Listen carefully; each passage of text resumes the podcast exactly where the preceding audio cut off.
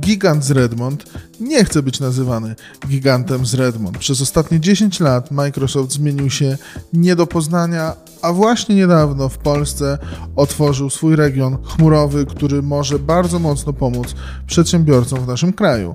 O tym, jak buduje się komunikację i marketing w takiej organizacji, porozmawiałam z Anią Klimczuk, dyrektor komunikacji i Kamilą Cichocką, dyrektor marketingu Microsoft Polska pomyślałem sobie, że zacznę od tego, jak się wam pracuje w Microsoftie? Co to jest za firma ten Microsoft? Jak dzisiaj jest w Microsoftie? Co tam się dzieje ciekawego? To może ja zacznę, bo ostatnio robiłam sobie taki rachunek sumienia i ja przyszłam do Microsoftu 10 lat temu. Rok po tym w roli CEO dołączył Satya Nadella do Microsoftu i tak myślę sobie, że te 9 lat y, jego mm, liderstwa w firmie zmieniło strasznie dużo jak sięgnę pamięcią do tych 10 lat wstecz, jak przychodziłam, to miałam takie poczucie, że Microsoft jest postrzegany jako taki gruby, tłusty kot, żyjący trochę z monopolu Windowsa. Z jednej strony wysoka pozycja, z drugiej strony no takie commodity. I to już nie była taka firma, która gdzieś wzbudzała emocje, innowacje, czy w ogóle jakieś y, dyskusje, powiedziałabym, wokół, wokół samej marki się odbywały. Z drugiej strony, y, rzeczywiście zmieniło się wszystko, myślę, od tego czasu. Przede wszystkim zmieniliśmy to, w jaki sposób patrzymy na naszych klientów, jak tworzone są produkty, gdzie w sercu teraz mamy customer experience. E, jak są zbudowane działy, czyli tak naprawdę duża praca dotycząca takiej, powiedziałabym, likwidacji silosów, czyli takiej pracy w poszczególnych e, departamentach, w działach, która była bardzo, bardzo silosowa i to też było pewnie widać w produktach. E, ostatnio właśnie opowiadałam Ani, jak sprawdzałam, że e, mieliśmy w tamtym czasie, słuchajcie, około czy ponad 50 różnych brandów. E, brak takiego spójnego brandbooka, brak spójnego podejścia w ogóle do strategii firmy, do takiego celu, który łączy w ogóle ten brand. To wszystko przez te 9 lat ewoluowało. Jak dzisiaj na to spojrzę i ta zmiana jest olbrzymia, bo w lutym Satya zaczął wielką, wielką komunikację tego, co się dzieje w Microsoftie poprzez announcement dotyczący Binga i tego, jak zmieni się w ogóle era wyszukiwania na świecie. No to był początek, bo od marca do maja ogłosiliśmy kilkadziesiąt nowości produktowych i to jest w ogóle ewenement na skalę nie Microsoftu tylko, ale w ogóle na skalę światową. I to oznacza, że z tego tłustego kota weszliśmy w rolę bardzo zwinnego, bardzo innowacyjnego dostawcy technologii, który dzisiaj jest na ustach większości tak naprawdę przedsiębiorstw, ludzi, ale też e, konsumentów. No i zaczęliśmy zupełnie inaczej być też postrzegani e, z tej perspektywy i tutaj wrócę do tego, co powiedziałeś, że ta komunikacja dzisiaj jest bardziej wymagająca. Pomimo tego, że mamy więcej spójnych oczywiście elementów, tak jak powiedziałam, z perspektywy brandu, strategii, rzeczy, które nas łączą fundamentalnie, niezależnie czy to jest PR, czy to jest marketing, więc jest nam łatwiej się dogadać, bo mamy wspólny mianownik, który jest bardzo mocno zdefiniowany, ale z drugiej strony tak naprawdę próbujemy w marketingu, w komunikacji wykorzystywać to nowe myślenie, customer experience, tworzyć rzeczy, które są ważne dla, e, dla odbiorców, e, zarówno wydarzenia, jak i właśnie kampanie. I myślę, że to się zmieniło. To, w jaki sposób wy o tym customer experience mówicie, ale też o tym, o czym rozmawialiśmy chwilę przed nagraniem, jak bardzo marketing z komunikacją są u was sklejone i jak bardzo wy macie tego świadomość i jak bardzo rynek po, powinien mieć też tego świadomość. Ja staram się często w podcaście pokazywać te rzeczy również z punktu widzenia agencji, bo taka jest mo moja praca. Nie to, żebym tutaj słodził, ale, a, ale świadomość tego, jak to wszystko jest połączone, to jest coś ba bardzo fajnego i to jest bardzo ciekawe. Mam nadzieję, że jeszcze dzisiaj chwilkę o tym porozmawiamy, ale przepraszam Ania, bo ci wszedłem y, chamsko w pół zdania. To zanim opowiemy o tym, jak my jesteśmy sklejone jak siostry siamskie, marketing y, z PR-em, to chciałam trochę nawiązać do tego, co Kamila powiedziała, bo z mojej perspektywy, ja jestem trochę dłużej w Microsoftie y, niż Kamila i ja zanim nastąpiła, że tak powiem, era Sati Nadeli, mi się wydawało, że w ogóle nie istnieje możliwość zmienienia takiego giganta w tak zwinną organizację. Też wydawało, dla mnie ogromnym zaskoczeniem jest to, że tak naprawdę, z punktu, tak jak patrzymy z zewnątrz, to była, to, to jeden człowiek to zrobił. Satya Nadella się zmienił i zmieniło się absolutnie wszystko. Oczywiście wiemy, że to jest praca ogromnych zespołów Jasne. i tak dalej, ale jego leadership team spowodował, że możemy sobie porównać firmy, które na przykład są już urodzone w technologii, urodzone w digitalu, to są dla mnie takie sprawne, malutkie omegi żaglówki, których zwinność po prostu jest niesamowita. My jesteśmy gigantycznym tankowcem. Jego skręcenie, żeby skręcić tym tankowcem, no to wymaga, to, to wydaje się czasami niemożliwe, że on szybko może zwrócić z jakiegoś kursu. I nagle to się okazuje możliwe. Mieliśmy kiedyś takiego mówcę w Microsoftie, miał na nazwisko Whitaker i on opowiadał o tym, jak każda dekada należy do innego giganta technologicznego i do innej mhm. technologii. I na przykład mówił, że tam na początku był Microsoft ze, ze swoim Windowsem, potem był Search, kolejne 10 lat Search Google'a, potem kolejne 10 lat iPhone prowadził ze swoim telefonem i to, co dla mnie jest niezwykle inspirujące, że jak przypominam sobie tę jego teorię, już nie pamiętam jak kolejne te dziesięciolatki mhm. przebiegały, to ja po prostu czuję, że przy tym przewodnictwie i przy tych ogłoszeniach, które Ka Kamila powiedziała, dziesiątki ogłoszeń dotyczących y, AI-a, to te kolejne 10 lat y, będzie wyraźnie z naszą przewagą. Taką mam, taką mam nadzieję. I jak mówisz, jak się pracuje, jeszcze dodam taki wątek ludzki. Dla mnie ogromnym też zaskoczeniem było, jak duża akceptacja, jak mała hierarchiczność, taki szacunek wzajemny jest w tej firmie. Podam kilka przykładów. Y, przychodzą osoby z bardzo hierarchicznych, na przykład organizacji do nas i są zadziwione, że do prezesa nie mówimy y, pani prezes czy panie prezesie, czy do dyrektora nie mówimy panie dyrektorze, że wszyscy jesteśmy na ty bez względu na wiek, że mamy y, rzecz, która może jest mało istotna, ale mamy kompletną swobodę, jeśli chodzi o dress code, więc do pracy zobaczycie, jak przyjdziecie do nas do biura, zobaczycie ludzi w bluzach, ale zobaczycie ludzi w garniturach, w sukienkach, w dresach. Dla mnie na przykład to jest ogromny taki wyróżnik, że ja idąc do pracy koncentruję się tylko na swojej pracy i, i za to jestem oceniana, a nie zastanawiam się, czy mam wyprasowaną dzisiaj białą koszulę. Jeszcze z takiego dużego obrazka, jeśli mogę dodać, Oprócz tego, że jesteśmy sklejone, to bardzo silnie obydwie wierzymy w to, że że firma musi reprezentować nasze wartości i że marketing i PR musi też prezentować te wartości na zewnątrz. I myślę, że my obydwie... Wręcz jest emanacją tych wartości, nie? Często. Tak, i my obydwie mamy taką ogromną wiarę, że gdyby nie było tych może powiem brzydko, czysta hamska sprzedaż i wciskanie ludziom produktów, a nie byłoby tej odnogi wartości, jak na przykład mamy sustainability, accessibility, czyli włączenie wszystkich i ta nasza, ta nasza misja co jest jeszcze ciekawe, przepraszam, że tu tak długo być może mówię, ale tylko zwrócić uwagę, jakie misje mają firmy. Wielozdaniowe często, często bardzo niejasne. Nasza misja jest tak jasna, że chcemy wspomóc każdego człowieka i każdą organizację na świecie, żeby mogła y, osiągać więcej. I tyle. Koniec.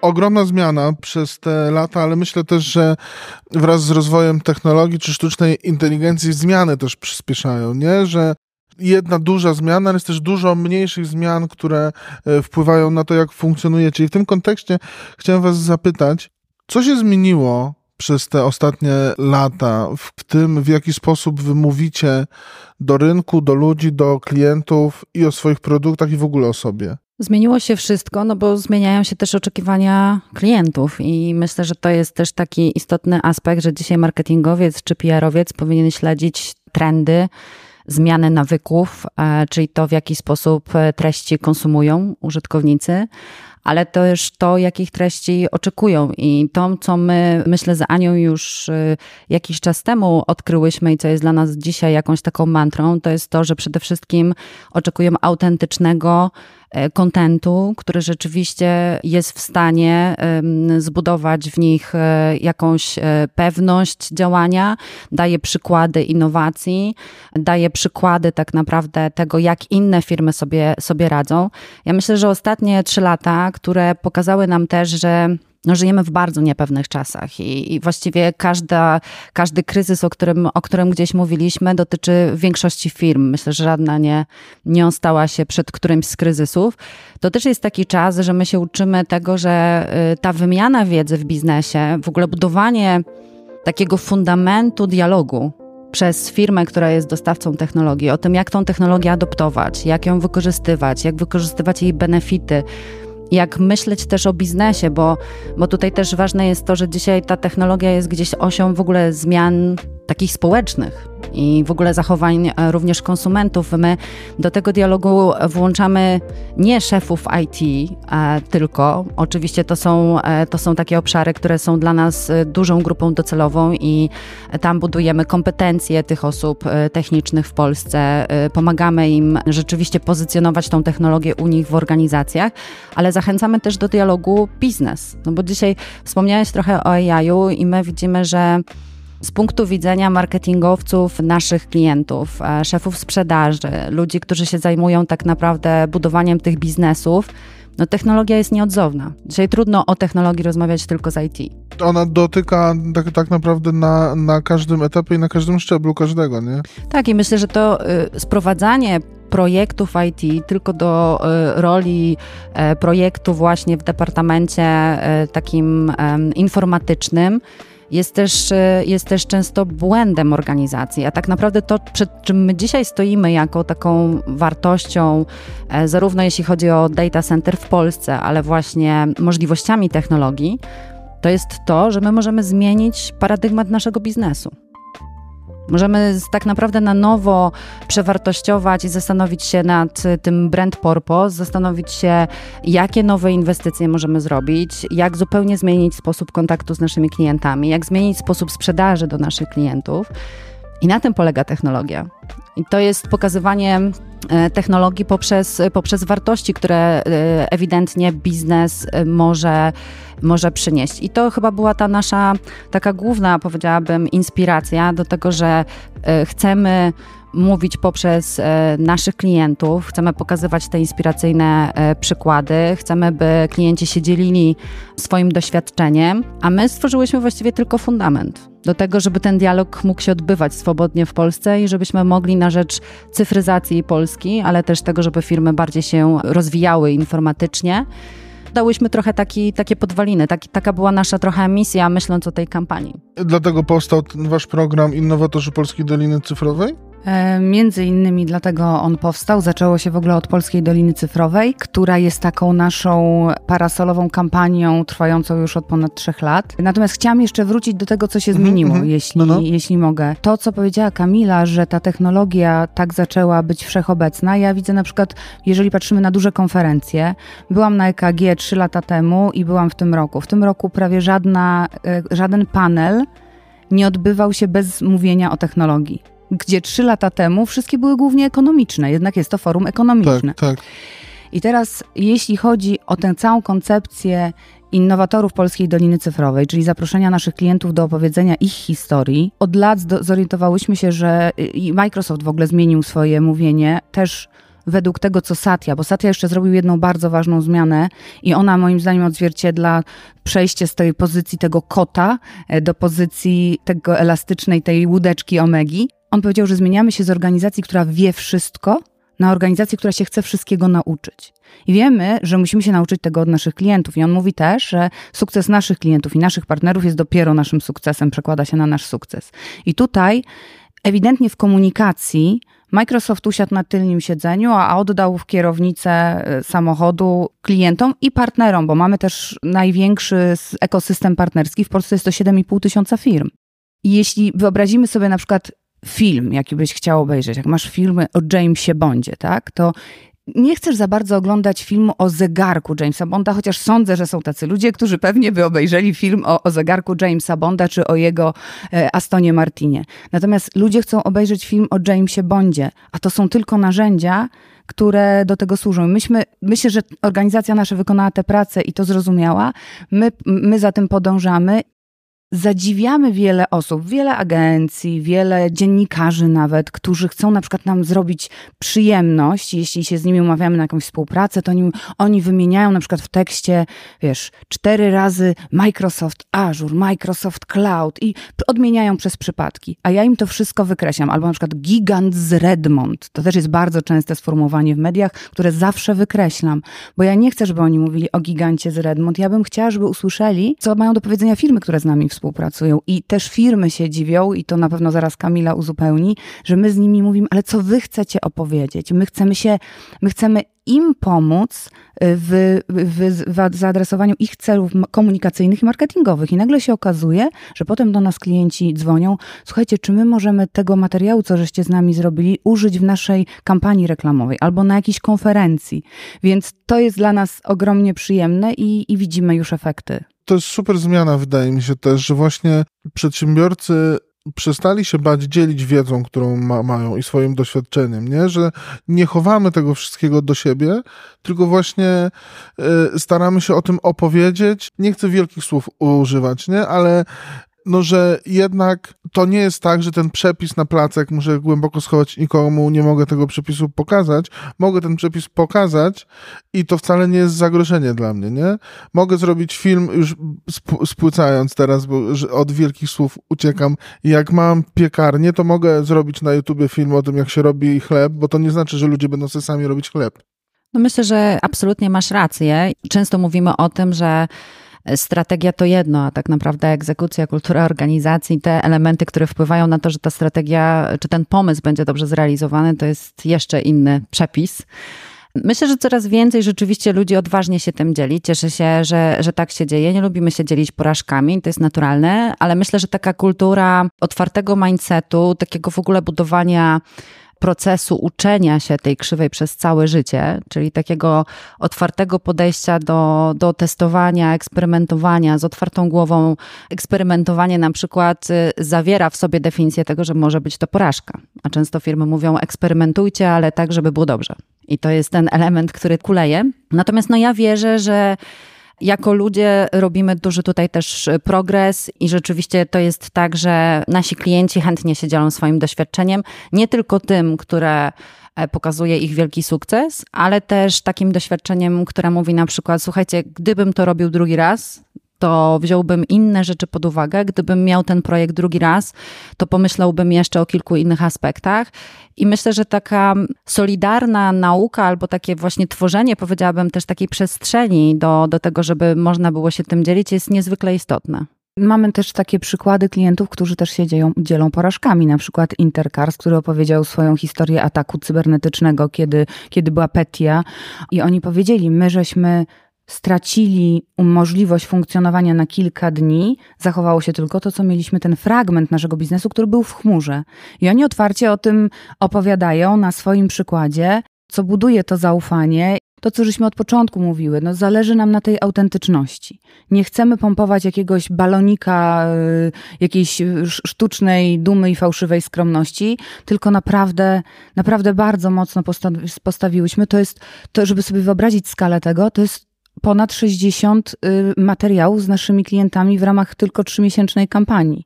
Bywają takie momenty, że no oni z takim zaufaniem do nas podchodzą i przychodzą sami, y, co byśmy mogli razem zrobić, a konsekwencją tego jest, że potem wpinają nas w swoje działania marketingowe i w swoje działania PR-owe. I, i to jest fantastyczna historia.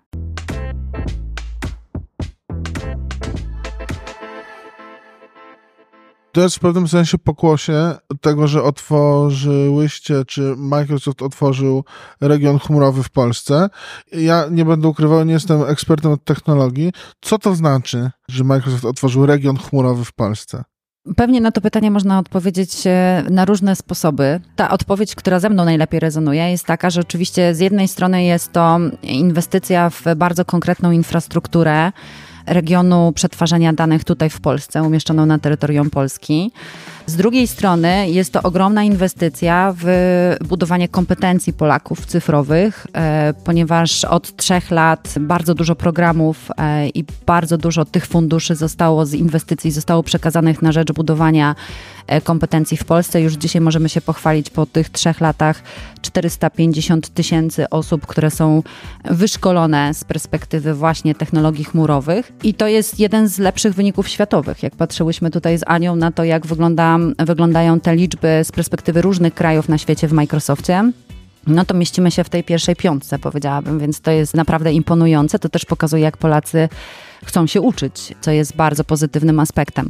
Więc ta inwestycja, o której możemy mówić, nie chciałabym się skupić na tej części technicznej, bo ona oczywiście jest ważna dla niektórych firm w Polsce, dla których na przykład z sektora regulowanego, które dostały, czy mają możliwość korzystania z chmury publicznej, a jednocześnie z e, tego, żeby ich dane zostały tutaj na terytorium Polski, jest bardzo istotne i zmienia trochę paradygmat tego, jak podchodzą dzisiaj do planowania transformacji chmurowej. Natomiast e, ja patrzę na to w ten sposób, że my pokazaliśmy kolejny raz bardzo duży commitment na polskim rynku jako Microsoft. Teraz też celebrowaliśmy tą rocznicę 30 lat Microsoftu w Polsce i mamy przekonanie, że jesteśmy już zaufanym partnerem dla polskiego biznesu i to jest kolejny dowód na to, że y, tak, jesteśmy tutaj, e, jesteśmy tutaj w pełni zaangażowanym zespołem e, polskiego działu Microsoftu. I mamy zasoby, mamy innowacje i technologię, która jest również umieszczona w Polsce, żeby zasilać tą wielką transformację polskich firm. To ja może trochę jednak, Kamila, nie chciała o technologii mówić bardzo, ja trochę ten wątek dodam, mhm. żeby, żeby każdy zrozumiał, co to się tak naprawdę wydarzyło. Region przetwarzania danych to są trzy niezależne lokalizacje, tak zwane availability zones, które pozwalają, e, które, które mają niezależne zasilanie, są w ogóle od siebie niezależne, ale jednocześnie przesył danych tam jest, są na tyle blisko e, fizycznie, że ten przesył danych jest możliwy. To daje to, że Polska, że w Polsce możemy e, zapewnić, że dane z Polski po prostu nie będą wychodziły i będą cały czas bezpieczne, bo to jest ta infrastruktura, infrastruktura jest ekstremalnie bezpieczna i one są bezpieczne, ale też to tak zwane latency, czyli ta prędkość, to jest na przykład ważne bardzo dla takich, y, dla takich graczy jak y, rynek y, e-commerce. Mhm. Oni potrzebują bardzo szybkiej reakcji i już takie centrum danych, które jest w innym kraju, już to latency jest, jest o jakieś tam milisekundy, to na tym, na tym to się już tak bardzo nie, nie znam, ale jest to dłuższe. Podłączyliśmy Polskę do największej i najbezpieczniejszej globalnej infrastruktury chmurowej. Razem z, też z dostępem do tych ekspertów, mhm. do tej wiedzy.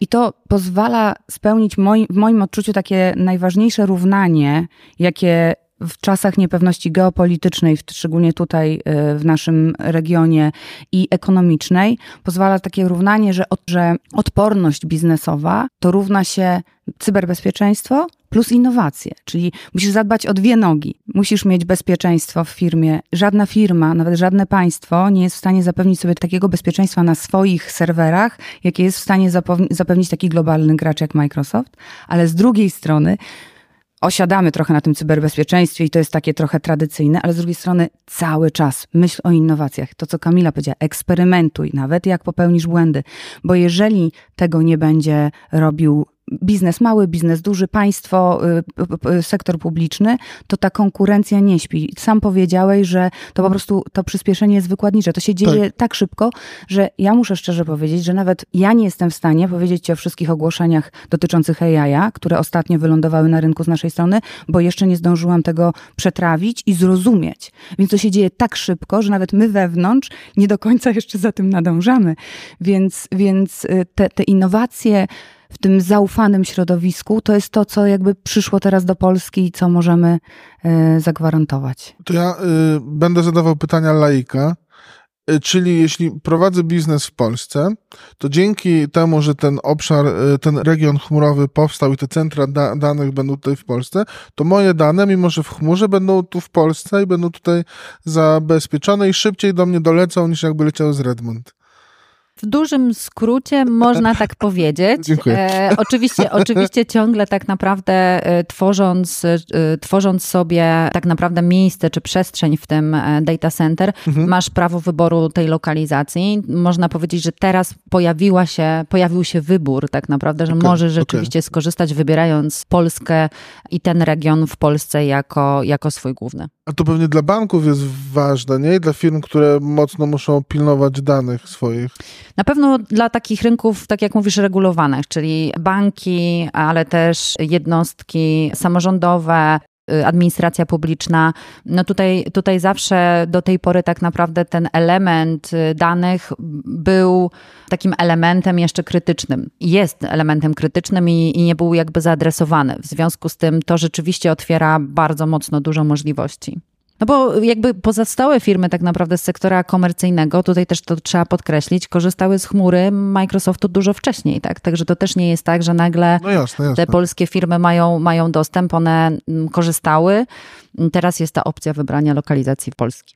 To teraz coś, co jest mi bliższe, przyznam szczerze, no bo otwarciu tego regionu towarzyszy kampania komunikacyjna, wizerunkowa, miałyście eventy też z tym związane i chciałem zapytać, bo dość duża kampania mimo wszystko, nie? I te eventy też, y, też były duże. Jakie były najmocniejsze czy największe wyzwania, z którymi się spotkałyście w trakcie pracy nad tą kam kampanią?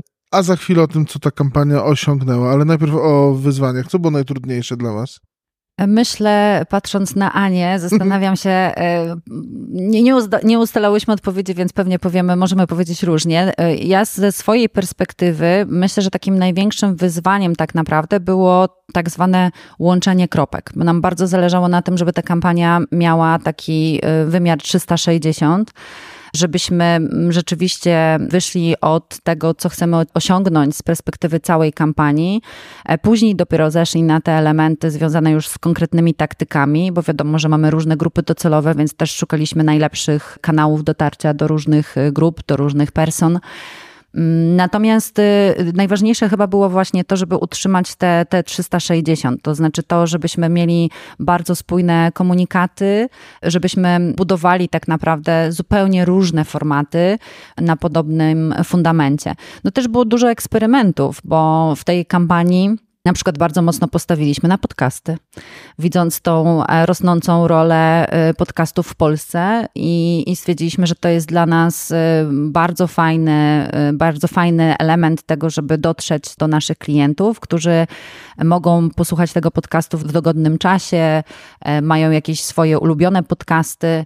No i oczywiście y, my jesteśmy w stanie tak naprawdę też y, pokazać naszych klientów i ich sukcesy. Wydawało nam się to bardzo fajnym Właśnie, elementem. Wasi partnerzy byli też gośćmi chociażby u Jarka Kuźniara w podcaście, prawda? I Intercars i PKO zdaje się. Tak, i Intercars i PKO mieliśmy wielu klientów, tak jak Ania powiedziała, pracowaliśmy z 60, ponad 60 klientami, jeśli chodzi o, o te budowanie wspólnej historii.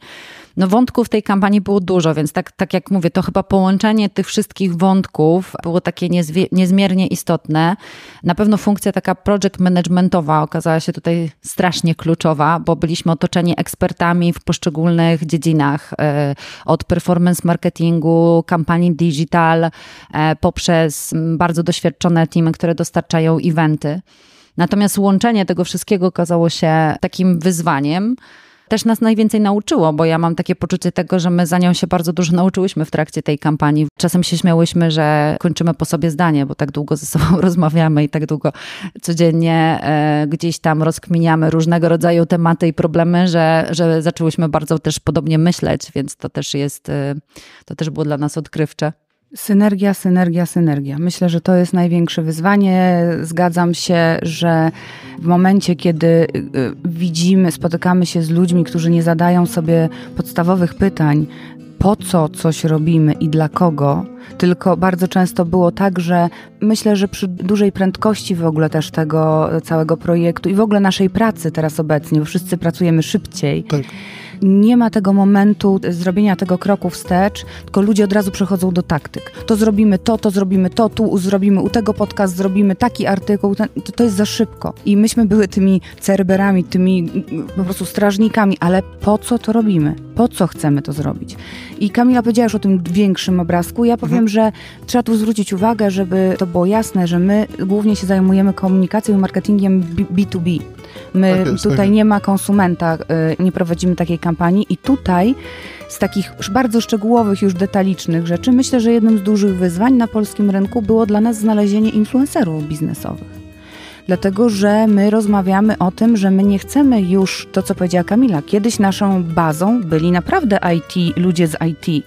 To się już dawno zmieniło i my chcemy rozmawiać z tymi de decydentami biznesowymi. I teraz jak do nich mówić? Ja, ja nie chcę mówić do specjalisty, nie chcę, chcę też, żeby on usłyszał, ale ja bym chciała, żeby na przykład mój komunikat usłyszał prezes, usłyszał ktoś, kto jest odpowiedzialny za cyfrową transformację tak. i prowadzi jakiś inter, interdyscyplinarny zespół u klienta. I ja bym chciała, żeby dla niego to była treść interesująca. I teraz jak żeśmy siedzieli, no to były godziny, pamiętam, jak agencja przyszła z propozycjami influencerów biznesowych, kto to ma być, to my żeśmy y, autentycznie prześwietlały każdego, każdą z tych osób i zastanawiałyśmy się, że jak konsumenckich influencerów, to możesz dobrać pod, każdą, pod każdy tak, cel właściwie. To nie jest tak łatwo, nie? Tutaj jest prosto, wiesz, że bierzesz kogoś znanego, ale na przykład jeśli chcesz kogoś ogromnie zasięgowego, super fajnego, też z wartościami, które reprezentuje także to nasze wartości i żeby kumał technologię i żeby biznes go słuchał, to to jest naprawdę bardzo trudne. I myślę, że tak jak tutaj z, te, z, tego, z, tych, z tych dwóch wypowiedzi, jakbym podsumowała, to widzimy z Kamilą dwa zawody przyszłości.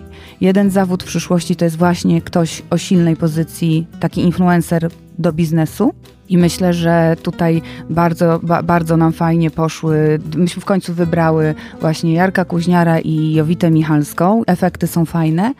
Ale druga rzecz, zawód przyszłości project manager, ale taki naprawdę, który łączy kropki. High który, level, nie? Który przychodzi do klienta z gotowym, z gotowym pomysłem i on, mimo że ma rozdrobnione agencję socialową, agencję content marketingową, agencję wideo, agencję PR-ową, agencję eventową, on umie to wszystko tak, żeby to smutli przechodziło i żeby to wszystko tworzyło jedną całość. Takich ludzi nasz, naszej opinii brakuje na tym rynku. To bardzo ciekawe. Wspomniałyście też przed nagraniem o strategii Customer and Partner Advocacy. Trochę już powiedziałyście o tym, ale gdybyście mogli, bo to jest w ogóle ba bardzo ciekawe mo moim zdaniem i też spójne e, z trendami w ogóle dotyczącymi opowiadania historii nie? i opowiadania historii marki na bazie czy ustami żywych, prawdziwych e, ludzi, czy, czy żywych, prawdziwych case'ów.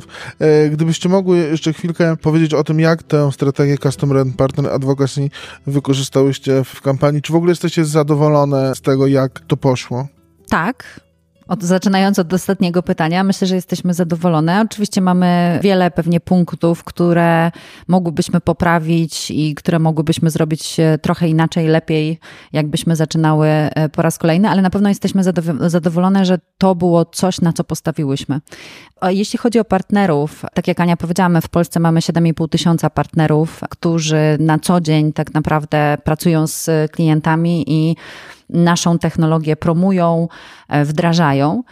Natomiast w tej kampanii mieliśmy 14 partnerów, którzy byli z nami, tak powiedziałabym, ręka w rękę, tak? To znaczy budowaliśmy wspólny ten storytelling, mówiliśmy o tym, gdzie jest wspólny win-win, zastanawialiśmy się, jaki content yy, i tak naprawdę jakie rozwiązania chcemy wspólnie promować. Jeśli chodzi o klientów, też było to takie podejście. Starałyśmy się szukać tych y, wspólnego mianownika, tego win-win, tak? Nawet mm, to, co powiedziała Ania, często klienci zapraszani przez nas nas w różnego rodzaju formaty, mieli takie poczucie, no dobrze, to co chcecie, żebyśmy o was opowiedzieli.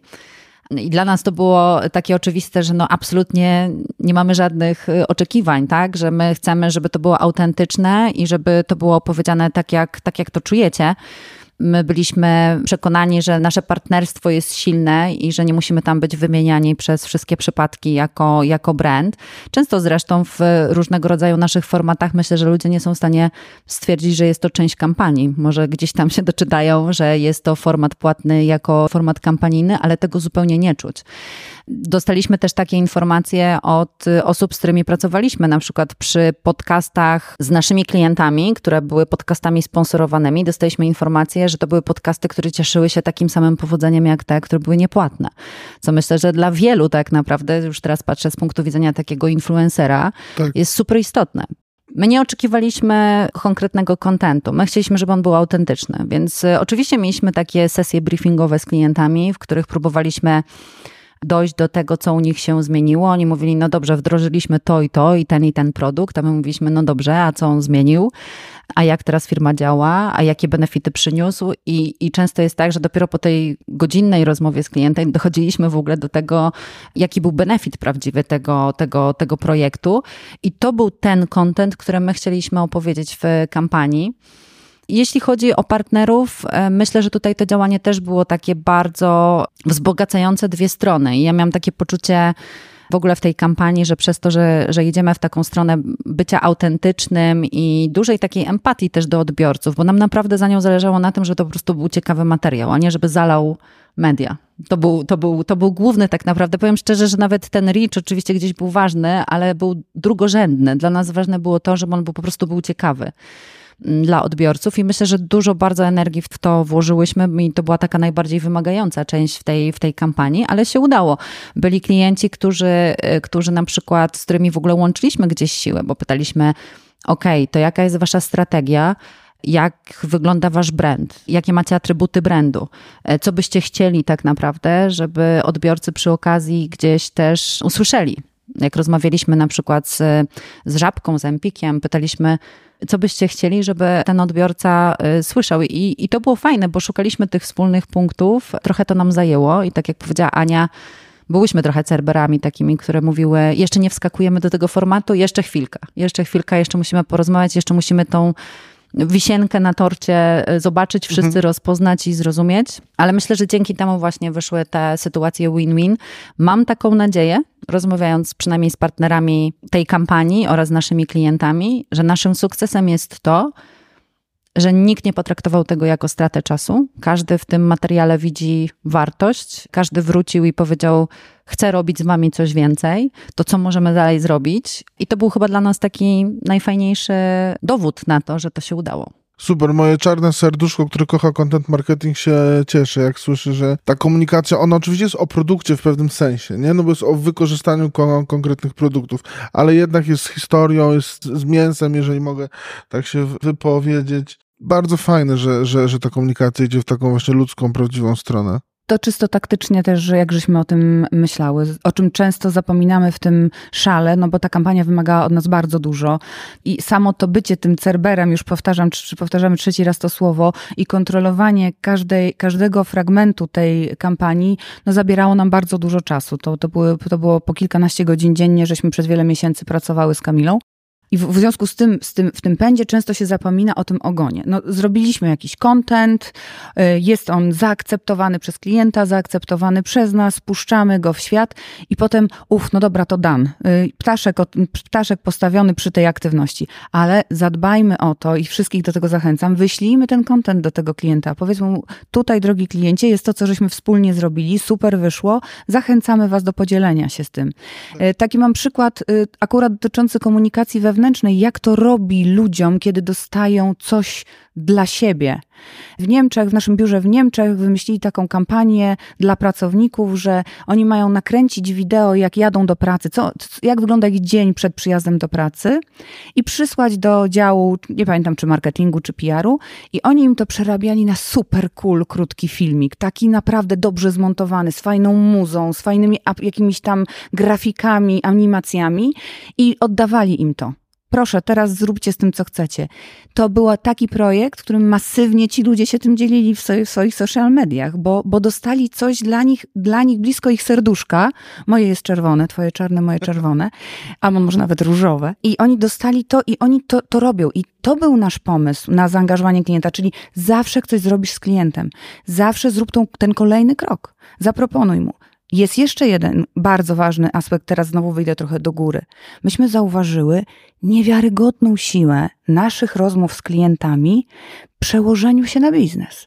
Bo jeżeli biznes nas i biznes zaczął nas angażować w rozmowy już na wstępnych etapach rozmów z klientem, że chodźcie dziewczyny, opowiecie, jakie macie silniki i jak możecie pomóc temu klientowi spozycjonować ich strategię. Po naszym celebrującym otwarcie regionu chmurowego w Polsce evencie to klienci do mnie pisali, kiedy będzie już wideo z naszego panelu, kiedy będą te materiały tam z, ty, z tym i z tym medium, bo my byśmy się chcieli tym pochwalić. Więc naprawdę warto się do tego przyłożyć i nie zapominać, że to jest bardzo ważne.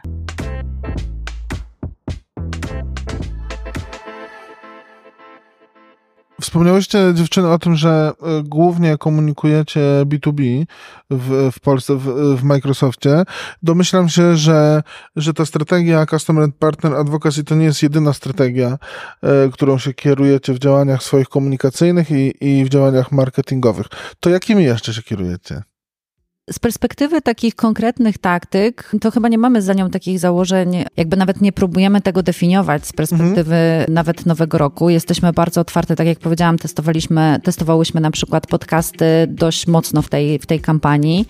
Szukamy cały czas nowych elementów, nowych możliwości tak naprawdę do tego, żeby dotrzeć z tym komunikatem do naszych klientów.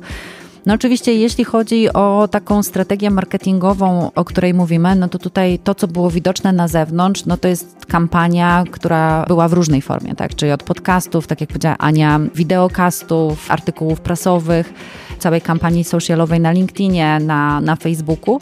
Natomiast bardzo dużo też rzeczy mamy takich szytych na miarę, czyli patrzymy na ten customer journey z naszej strony, tak powiedziałabym, całościowo, czyli to, o czym teraz mówiliśmy, to jest ten początek, tak? To jest ten awareness, który budujemy. Natomiast te działania, które przewidujemy później, e, które nam pomagają tak naprawdę już wejść głębiej, no to jest cała masa warsztatów, cała masa spotkań z kilkoma klientami per branżę, per rozwiązania lub y, nawet pojedynczo z klientami, czyli takie spotkania jeden na jeden, w których my y, razem nawet prototypujemy pewne rozwiązania dla klientów. Więc to jest cała masa różnego rodzaju aktywności, które są zbudowane czy przypisane do całego tego y, lejka, do całej tej customer journey. No dzisiaj się skupiłyśmy trochę na tym, jak wyglądała sama kampania, która była tą częścią początku tej drogi, tak? tego awarenessu. To ja dwie rzeczy. Jednak bardzo ważna rzecz w kontekście social mediów i tego, co mówiłam wcześniej, dania ludziom fajnego kontentu. Mhm. Employer advocacy. To jest coś, co dla nas y, jest ogromną siłą, ogromnym silnikiem. I tak jak wiemy, że ludzie nie lubią newsletterów, tak, teraz y, jest jeden newsletter, który mamy bardzo dobry feedback. My im przygotowujemy gotowy content na LinkedIna, czyli oni mamy y, takie narzędzie wczepione w LinkedIna, które się mhm. nazywa My Company i oni dostają gotowe do użycia treści. treści. I dostają tylko jest, jest zdjęcie, żeby wiedzieli, kojarzyło im się co i jest link. I tylko co tydzień dostają taki newsletter i mówią, że to jest coś najwartościowszego dla nich, bo to jest znowu ta sytuacja. Myśmy już mówiły dzisiaj o win-win. To jest znowu win-win, bo my im pomagamy budować ich personalny brand na LinkedInie i ich jako ekspertów. Czyli oni sobie wybierają z, całej, z całego naszego kontentu, który myśmy przygotowały, coś, co jest dla nich wartościowe i to buduje i nas, i ich. A druga rzecz, która o strategii mówiłeś, e, pytałeś o strategię, to jeszcze chyba żeśmy tego nie powiedziały, że przy tych niepewnych czasach i przy tym, jak widzimy, jak nam wszystko potrafi się zmienić w ciągu tygodnia, w ogóle widzimy tak, taką, nie, nie, widzi, nie, widzimy potrzeby budowania jakiejś długofalowej strategii. Znaczy, ona musi, muszą być jakieś jej filary, mhm. ale reszta jest dopasowywana naprawdę w biegu. I podam przykład tylko. Myśmy naszą inwestycję ogłaszali w maju 2020. Plan był, miałyśmy z Kamilą cały plan Miało być event fizyczny, miało być na nim 500 osób, mieliśmy mieć pana premiera, to mia- już żeśmy bukowały chyba nawet miejsce pod ten event i nagle przychodzi pandemia. I my, jako właściwie jeden z pierwszych brandów w Polsce, myślę, że nawet byliśmy pierwsi, my cały event wrzucamy online. Pracujemy, nikt w Polsce nie wie, jak zrobić event online żeby, y, y, żeby właśnie i pokazał się wideo premiera i, i, i pan ambasador i, i żeby to była, to była konferencja prasowa i jednocześnie spotkanie z naszymi klientami. Ale już Stany wiedziały, jak to się robi. Oni już wiedzieli i my żeśmy miały agencję ze Stanów i pracowałyśmy z nią, no od 16 się zaczynała praca, czyli pracowałyśmy tym razem po 20 parę godzin przed tym announcementem i cały event przerzuciłyśmy na online w życiu byśmy tego nie przewidziały, więc teraz co, cóż z tego, żeśmy miały cały plan zbudowany. To, to budowanie tej mhm. strategii też się bardzo zmienia i trzeba być bardzo elastycznym. W kontekście też tego, od, od czego zaczęliśmy naszą rozmowę, czyli tych zmian w organizacji, łatwiej wam było elastycznie do tego podchodzić dzięki tym zmianom, czy to jest w was po prostu i tak, niezależnie od tego, czy byłby Satya, czy, czy nie, czy byłaby ta ogromna zmiana wewnątrz organizacji, czy nie, to, to wy i tak byście były w stanie tak elastycznie pracować, jak dzisiaj pracujecie? Myślę, że to, to jest trochę taka suma wszystkich czynników, bo, bo na pewno to, o czym mówiła Ania, czyli w ogóle no, pandemia i, i te następstwa tych ostatnich trzech lat w ogóle spowodowały, że myślę, że każdy z nas ma tak, że ma pewne ograniczone takie y, zaufanie do jakiegoś długoterminowego planowania. Y, ja lubię myśleć w ten sposób, że mi na przykład osobiście to pomaga, tak? Bo ja zawsze gdzieś y, w swoich działaniach szukam tej spójności i takiej prostoty. Lubię strategię na jedną stronę, lubię generalnie takie podejście, żeby wycinać wszystko, co niepotrzebne mhm. i rzeczywiście bardzo klarować myśli. To też jest fajne, że my podchodzimy trochę do planowania w inny sposób. To nie jest tak, że my nie planujemy dzisiaj, tylko my planujemy na przykład inicjatywy parasolowe, my planujemy, co byśmy chcieli osiągnąć, my planujemy, co jest dla nas ważne, my planujemy, jakie atrybuty są ważne dla naszego brandu, my planujemy pewien efekt, rozpisując to trochę na właśnie takie parasolowe inicjatywy, ale te inicjatywy już w sposób techniczny, czyli taki bardzo taktyczny, taki plan taktyczny, rozpisujemy wtedy, kiedy jest nam to potrzebne. I to też powoduje, że my dość elastycznie dostosowujemy się do tego, co się dzieje też na, na świecie. No bo w przypadku komunikacji i marketingu, no wszystko się zmienia. My też widzieliśmy, jak rozpoczęła się wojna w Ukrainie, no i jak wszystkie właściwie komunikaty marek y, po prostu się zmieniły, tak? I wszyscy zatrzymali swoje kampanie, które były pewnie planowane zupełnie, tak, tak. zupełnie inne. No i to jest, to jest właśnie ten element, w którym to przełączenie i ta sprawność tego przełączenia, i nawet nie tyle dostosowanie się do tych czasów, a jeszcze wręcz wykorzystanie tego momentum e, poprzez marketing, komunikację, no jest super kluczowa. Więc no, jeśli ktoś z natury jest takim człowiekiem, w którym mówi, dobra, zaplanowałem, najważniejsze jest ukończyć plan, a wiemy, że są takie osoby, które z tak. natury mają takie, takie podejście i to jest dla nich e, trudne. Ja zresztą też byłam control freakiem dużym i, i musiałam przejść swoją drogę to myślę, że tutaj jest większy relaks, jesteśmy bardziej otwarci, wiemy, że coś, yy, próbujemy zamiast się spinać na to, co się wydarzyło i że to zepsuło nasze plany, to jednak szybciej dochodzimy do tej fazy, ok, no to się wydarzyło. Nie mamy na to wpływu, nie mamy na to zastanówmy wpływu. się, co zrobić. Po I prostu, teraz nie? siadamy i zastanawiamy się, no dobra, to co w takim razie zrobimy? Jak spróbujemy dostarczyć to, co planowaliśmy jako efekt, albo wręcz jak sytuacja, którą dzisiaj obserwujemy, może wpłynąć na to, co możemy zmienić. Y, I to, co powiedziała mm, Ania w przypadku tego naszego announcementu, też było dla nas olbrzymią lekcją, bo to była duża rzecz, którą, którą musieliśmy stransformować w dwa tygodnie, więc to było dosyć duża była presja czasu wtedy y, na nas, ale się udało. Natomiast y, te, to, ta, ta elastyczność, myślę, jest duża. Pytałeś o Satię tak, myślę, że zmieniła, ale właśnie zmieniła dlatego, że y, Satya zmienił kulturę tej organizacji i zmienił to, jak my myślimy, czyli trochę wpłynął na nasz mindset. Ale jednocześnie, no ja jak przychodziłam do firmy, to pamiętam, że robiliśmy plany pięcioletnie, sześcioletnie. No dzisiaj po prostu w ogóle nie robimy też jako organizacja takich planów. To też oznacza, że jakby w naszej organizacji nikt od nas nie wymaga takich planów mhm. sześcioletnich. My się zastanawiamy, gdzie my będziemy za pięć lat. No tak, ale nie. Ale to nie jest plan, który jest rozpisany. tego dokładnie. dokładnie. Mhm. Jedna rzecz na pewno by była niemożliwa, gdyby nie ta cała zmiana kultury organizacyjnej, czyli ta, to przyzwolenie na robienie błędów i dzięki temu y, odwaga. My, my mamy odwagę eksperymentować, my mamy odwagę robić swoje rzeczy, ale jest też rzecz jedna, która jest bardzo specyficzna dla naszego kraju i nawet w naszych innych y, oddziałach, w innych krajach tak nie jest. To, że my rzeczywiście tak się przenikamy PR i marketing.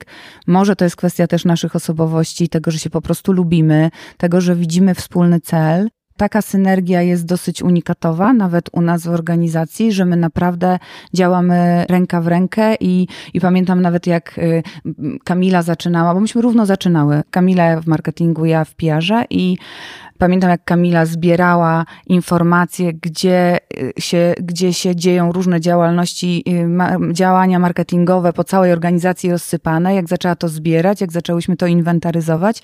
I tak naprawdę w tej strategii, y, w tej chwili widzimy, że jeżeli mamy wspólny cel, do którego dążymy, i on jest bardzo jasno określony i wiemy, gdzie są te nasze główne punkty, to już reszta się dopasowuje na zasadzie jak puzzle szybko i, i elastycznie tym programie pracujemy na case'ach. To jest segment, w którym staramy się z gośćmi wyciągnąć creme de la creme, wisienkę na torcie, najważniejsze informacje w pigułce z tego, o czym rozmawialiśmy trzy rzeczy, które są dla Was najważniejsze w marketingu i w komunikacji, o których każdy Waszym zdaniem, każda organizacja, niezależnie czy to jest ktoś po stronie agencji, czy po stronie klienta, czy ktoś prowadzący własny biznes, powinien pamiętać, żeby te działania były skuteczne z Waszej perspektywy? To jest bardzo osobisty segment. To ja zacznę od tej strategii marketingowej, ale właśnie tej strategii rozumianej jednokartkowej, one-pagera takiego krótkiego pytania, w którym zaczynasz e, obudzony o dowolnej godzinie w nocy, masz trzy punkty, które wiesz, e, które powiesz, które są dla ciebie najważniejsze tak naprawdę z perspektywy strategii marketingowej, która absolutnie jest połączona z biznesową, a nie jest strategią oczywiście, marketingową i KPI-ami tak, taktyk tak. poszczególnych. E, I myślę, że zbudowanie tego fundamentu mi to trochę czasu zajęło, bo ja mam tak, że ja bardzo dużo mówię wielu liderów, z którymi pracowałam, którzy też gdzieś mnie mentorowali, mówili mi zawsze: Ty masz tyle super fajnej energii, tyle fajnych pomysłów, ale ty musisz po prostu krystalizować, ty musisz skracać, ty musisz mówić ważne rzeczy w ważnych momentach, bo, bo ludzie mają krótki fokus. No ja jakoś wziąłem sobie to do serca i miałam takie poczucie tego, że jak ta strategia rzeczywiście jest tak do opowiedzenia w 5 minut, a da się każdą strategię każdej firmy. Jeśli Oczywiście. da się w Microsoftu strategię opowiedzieć Oczywiście. w 5 minut, to z, defin z definicji na pewno da się każdego też mniejszego biznesu. I te pięć minut właśnie opowiedzenia i tego, żeby mieć pewność, że jak zaczynamy projekt, to samo potrafi powiedzieć agencja, to samo potrafi powiedzieć każdy członek tego teamu. Ja myślę, że to jest niezwykle ważne i ten właśnie czas na to, żebyśmy sobie powiedzieli, gdzie jest ten wspólny fundament, gdzie my dążymy, bo później każdy się rozbiega we własną stronę. Każdy gdzieś pracuje nad własną taktyką, każdy y, projektuje inny content i ta spójność, którą my możemy uzyskać, ta synergia, którą możemy uzyskać na zewnątrz, no jest niezwykle istotna i myślę, że to jest taka część, o której dużo firm zapomina i myśli właśnie, bagatelizuje, myśli, że to jest trochę takie ojej, teraz usiądźmy wszyscy w pokoju i róbmy workshopy dotyczące strategii. Co jest też fajne, co my Miało być krótko, ale jeden case a propos strategii, bo to jest moim zdaniem najważniejsze, które my miałyśmy z Anią, co jest fajne. W tej kampanii zrobiłyśmy sobie w ogóle taki workshop design thinkingowy, który zrobiliśmy z całą organizacją. E, zanim w ogóle zaczęłyśmy myśleć o tej kampanii, zebraliśmy wielu ludzi z organizacji, łącznie z tymi, którzy zarządzają data center w Stanach, naszych sprzedawców, ludzi z różnych, e, z różnych działów, z różnych departamentów. I zrobiliśmy sobie taki właśnie e, design thinking dotyczący tego, jak ta kampania mogłaby wyglądać. I powiem szczerze, że to był, nie wymyśliłabym tego sama, gdybym usiadła z zespołem. Drugi taki element, że warto jest rzeczywiście słuchać ludzi, budować coś razem. Oni też mają poczucie tego, że są częścią tego, tego projektu od samego początku. No a poza tym po prostu pojawiają się świetne pomysły świetne idee, idee w, te, w ramach takiej, takiej rozmowy. No a później przerabiamy to na one pager. Jedną stronę strategii, która nam towarzyszy przez całą kampanię. To ja bym podsumowała, porzućmy silosy. Zapomnijmy o tym, bo przerażające jest, jak w wielu firmach wciąż to się Cały czas, cały czas. Nie przenika. Ja nawet słuchałam wszystkich Twoich podcastów wcześniejszych i zaskoczona byłam. Mi się wydawało, że to już nie istnieje, a to istnieje bardzo. Ja na przykład usłyszałam w bardzo trudnym momencie e, swojej pracy, w bardzo dużym stresie, kiedy żeśmy próbowali kilka, kilka sznurków łapać jednocześnie. Mhm usłyszałam, że mam największy, największą siłę i power, kiedy jestem autentyczna, a nie kiedy próbuję zadowolić wszystkich naokoło. Więc to też jest bardzo ważne, ale kiedy też umiemy słuchać, mamy tą otwartą głowę, tego mi bardzo brakuje też właśnie w tym środowisku na zewnątrz, bo i po stronie klienta jest dużo y, grzechów, takich właśnie jak silosowość, że nie gadają ze sobą, że nie są w stanie jednego, jednej strategii, jednego, jednego kierunku pokazać i dobrze zbriefować agencję. Bardzo dużo klientów tego nie umie, idą bardzo tak punktowo. Ale to samo dzieje się po stronie agencji, że te agencje też powinny otwierać głowę i być proaktywne. Ja naj, to, co mnie najbardziej, powiem młodzieżowo, może to już nawet jest oldschoolowo, jara. Ja już nie wiem, czy to... Cały czas jest spoko, nie przejmuj się. To, co mnie najbardziej jara u ludzi, to to, że mają proaktywność, kreatywność i taką chęć wychodzenia poza schemat. Tego znowu jest bardzo mało. Jesteśmy tak zawaleni robotą i to agencje mają to samo. Nie wiem, wezmą za dużo klientów, te osoby obsługują za dużo klientów i ona nie ma czasu, ta osoba, zrobić tego kroku wstecz i na przykład powiedzieć, dobra, to ja się skontaktuję z tą agencją marketingową, która obsługuje klienta i wymyślimy, jak my możemy połączyć nasze wysiłki. W naszym wspólnym interesie przecież, nie? I, I znowu podkreślam, zawód przyszłości project manager. Naprawdę. Ja mam dwie y, rzeczy związane z tym, co powiedziałyście, więc akurat się łączy z waszymi punktami. Jedna jest taka a propos pisania briefów, że kiedyś y, niedawno braliśmy udział w postępowaniu. Był dość dziwnie, ale jednak bardzo konkretnie napisany brief. Jak przyszliśmy na prezentację, klient był zaskoczony, że nasza oferta odpowiada na brief i że on oczekiwał czegoś innego, tylko nie dał znać czego, bo to dokładnie było z, y, z briefem. A druga w kontekście strategii, i to jest, chciałem powiedzieć, fakt autentyczny. Naprawdę mieliśmy taką sytuację, kiedy dostaliśmy, a mamy super ludzi od strategii, pisaliśmy strategię marki, strategię komunikacji dla jednej firmy, dostarczyliśmy na warsztatach, opowiedzieliśmy, chcieliśmy planować wdrożenie i klient mówi, a czemu te prezentacje są takie krótkie? My tutaj nie będę mówił, ile tysięcy złotych zapłaciliśmy, mamy takie krótkie prezentacje. My oczywiście udostępniliśmy klientowi 160 tysięcy innych slajdów, na podstawie których zrobiliśmy to, ale to jest właśnie kwestia tego zrozumienia, nie? że my musimy przepracować te 200 slajdów, a klient ma dostać coś, co mu się po prostu przyda. Bardzo Wam dziękuję, to była mega ciekawa rozmowa. Moimi gościniami dzisiaj były Ania Klimczuk, dyrektor komunikacji Microsoft i Kamila Cichocka, dyrektor marketingu Microsoft. To był Wielki Adsby, ja jak zwykle byłem i jestem Łukasz Głomicki. Dziękuję bardzo. Cześć. A podcast wyprodukowała Małgosia Zmaczyńska.